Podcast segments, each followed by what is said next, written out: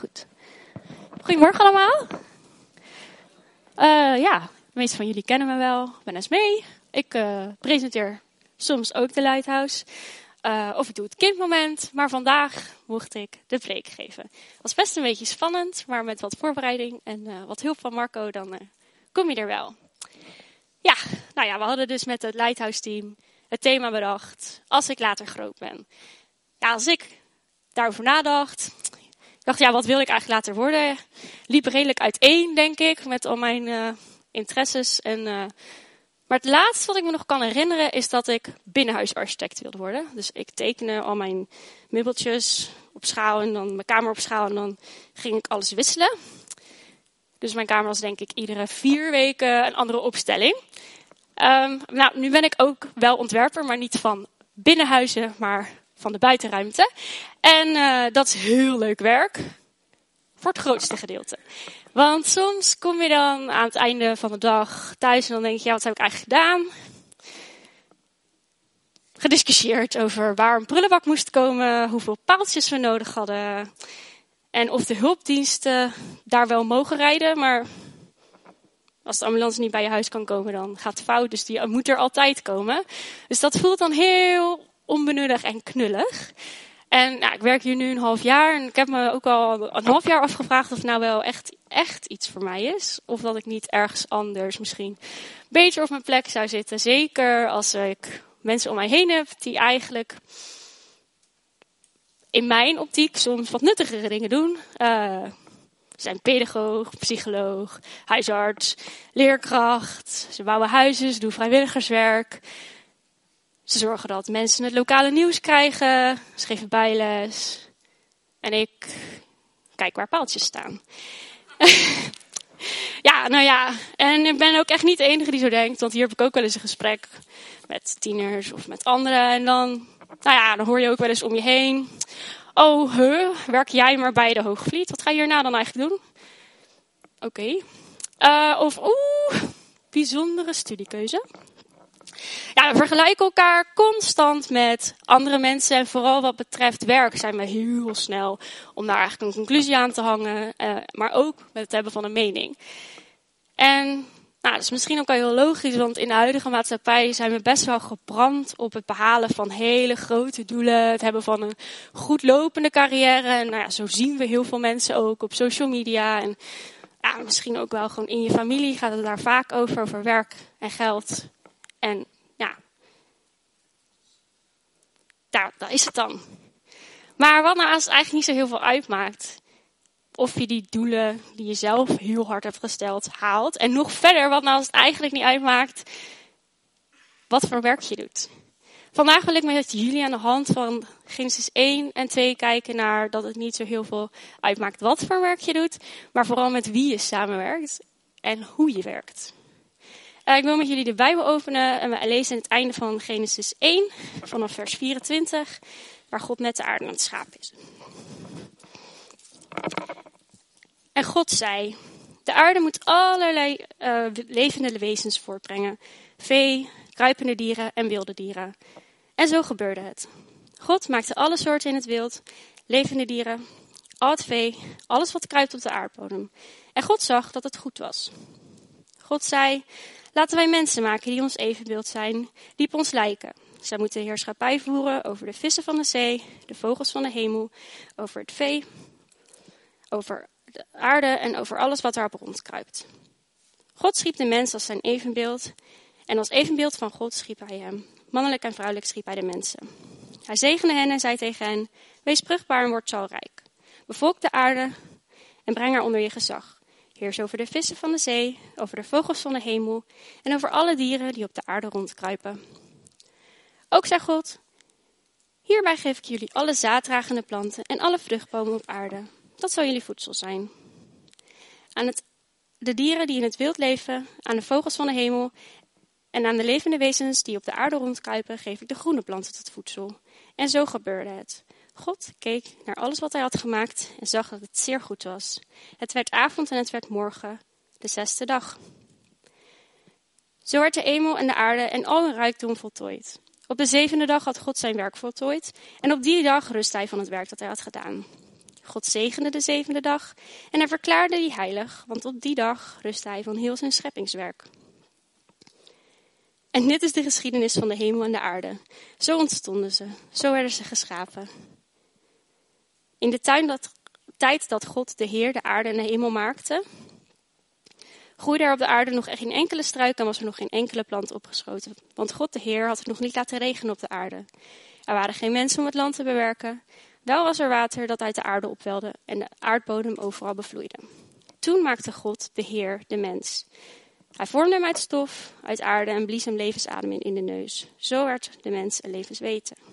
God de Heer legde de tuin in het oosten, een tuin uh, in Eden, een tuin aan. En daarin plaatste hij de mens die hij had gemaakt. Hij liet uit de aarde allerlei bomen opschieten die er zeer aanlokkelijk uitzagen met heerlijke vruchten. En in het midden van de tuin stond de boom van goed en kwaad. We gaan dan een tijdje over de rivier. En dan wil ik afsluiten met uh, vers 15. God de Heer bracht de mens dus in de tuin om die te bewerken en erover te waken. Ja, dit verhaal kennen we eigenlijk allemaal. Van uh, de kinderbijbel en de plaatjes en uh, van de zondagschool, als we nou ja, daar weer over hadden. En uh, ja, als we mensen gaan trouwen, dan zien we eigenlijk ook deze tekst voorbij komen. in het begin van de aarde, in Genesis, maakt God een paradijs. Hij vult het met de mooiste planten en hij maakte de dieren op het land, de vogels in de hemel, de vissen in de zee. Maar bij geen één van al die schepsels zegt hij dat de zorg van de aarde voor hen is.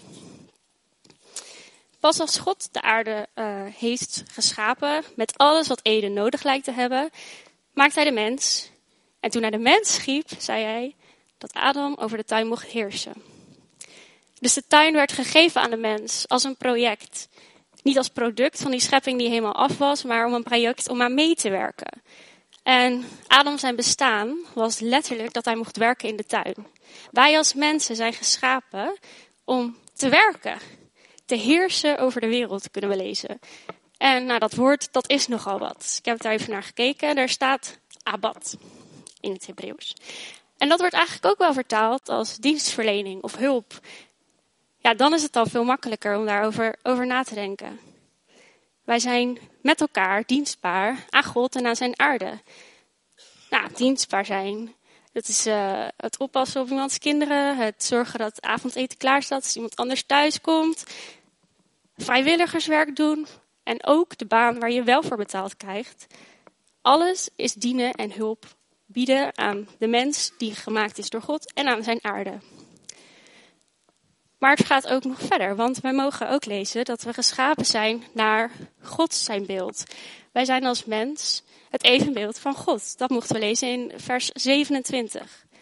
Dus dit houdt eigenlijk in dat wij, net als God, verantwoordelijk zijn voor de aarde die hij heeft gemaakt. Wij zijn mederegent, mederegeerder en aandeelhouder in zijn schepping. En in de brief van de Corinthiërs staat, Gods medearbeiders, dat zijn wij. Dus in moderne termen kunnen we eigenlijk zeggen dat wij collega's zijn van God. En wat nou als we ons echt zo gaan zien? Het project Aarde, dat aan Adam werd gegeven, hebben wij eigenlijk ook gekregen. Dus project Aarde is een partnerschap. Wij, mede-eigenaar met God, medeheerser. En dus ook verantwoordelijk voor ons uh, onze bloei in de samenleving. En dat wat God in Eden begon, dat zetten wij voort.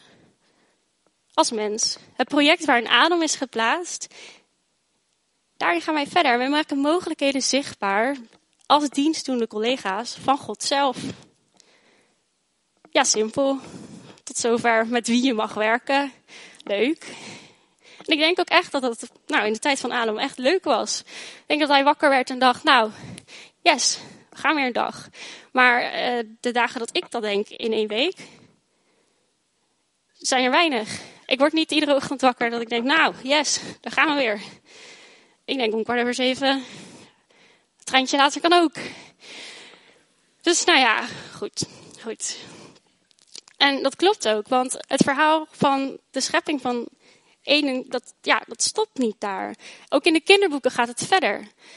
Um, want daar komt de slang, die Adam en Eva overtuigt van het feit dat je echt wel van die boom kan eten. En daarna gaat eigenlijk alles mis. na de zonneval ja, verandert het leven voor de mens en wordt ook het werk frustrerend en vermoeiend, staat er geschreven in Genesis 3. Dus het is helemaal niet gek dat wij uh, niet uit ons bed willen komen s ochtends of niet altijd helemaal vervuld van blijdschap thuiskomen als we klaar zijn met werken. Maar hoe kunnen wij nou in die situatie God blijven aanbidden? Want onze huidige samenleving, ja, dat is niet meer uh, allemaal met onze voeten in die letterlijk tuin van Eden. Werk is allemaal anders. De, we hebben net kunnen horen, sommige mensen wilden banketbakker worden, die hadden ze denk ik ook niet. Uh, supermarkten ook niet. Prinsessen, dubieus, maar denk het ook niet. En die profvoetballer Marco, dat uh, had je helemaal niet kunnen worden toen. Um, dus het is soms super moeilijk om ja, ons geloof actief uit te dragen in de baan die we wel hebben. En als we nou heel even naar dat voorbeeld gaan van die profvoetballer. Ja, dat lijkt al helemaal een baan waar je helemaal niks aan, dat, ja, aan het christelijk geloof hebt. Toch? Ja, je trapt een bal. En als je vaker hebt gescoord dan het andere team, dan heb je gewonnen. Ja, daar, daar komt God eigenlijk weinig letterlijk bij kijken. Maar in het, in Nederlands elftal en een heleboel andere teams zitten wel echt spelers die christen zijn. Of christenen die voetballer zijn. Um, hun werk ja, is dus die bal trappen. En ja, heeft echt niet zoveel te maken met geloof. Maar zij kunnen wel iedere dag opnieuw die keus maken. Om te kijken hoe ze reageren binnen hun werk. Want ook hun werk is soms frustrerend als het andere team heeft gescoord en jij niet. Of als ja, er weer iemand op de grond ligt. En het duurt maar en het duurt maar. Ja, reageer dan met geduld. Of ga je in dat ene opstootje mee? Is de scheids altijd de schuldige? Of denk je, geduld. Hoe reageer je op dat soort situaties? En heel veel voetballers die verdienen ook best wel veel geld. En ja, ook daarin kunnen zij iedere dag opnieuw de keus maken hoe zij met dat geld omgaan. Gaan zij alles voor zichzelf kopen of geven ze dat uit aan iets goeds? En zo denk ik dat wij ook op ons werk God kunnen laten zien. Voor mij gaat het denk ik heel ver om op een uh, plein, wat ik vorige week heb ontworpen, tegeltjes te laten leggen met God is groot. Kan, kan het allicht een keer proberen. Uh, maar net als die voetballer kan ik iedere dag de keus maken om eigenschappen mee te nemen naar mijn werk, die daar nou, wel van waarde zijn. Ik mag letterlijk iedere dag aan dat project aarde werken die schepping maak ik iedere dag een beetje mooier. Met een extra boom en een plekje groen. En nou, waar mensen elkaar kunnen ontmoeten. En mensen in de supermarkt, ja, die zorgen iedere dag met heel geduld dat die supermarkt opnieuw vol is. Zodat wij aan het eind van de dag allemaal ons eten kunnen maken. En de dingen die we nodig hebben of willen hebben, kunnen halen. En onder leiding van de Heilige Geest mogen wij iedere dag geduldig en toegewijd naar ons werk gaan. Um, ja, dan zijn er niet altijd momenten waarop we echt een gesprek hebben over de Heere God. Maar soms komen die momenten natuurlijk wel voorbij. Dat we vorige week mogen horen van Ineke. Dat er iemand belt en dat ja, dat, dat ineens wel komt. Maar op andere momenten en in andere sectoren en banen mogen we gewoon God uitdragen in ons werk. Met geduld en toewijding iedere dag naar ons werk gaan. En op die manier collega's en andere mensen om ons heen iets te laten zien van onze Heer Jezus.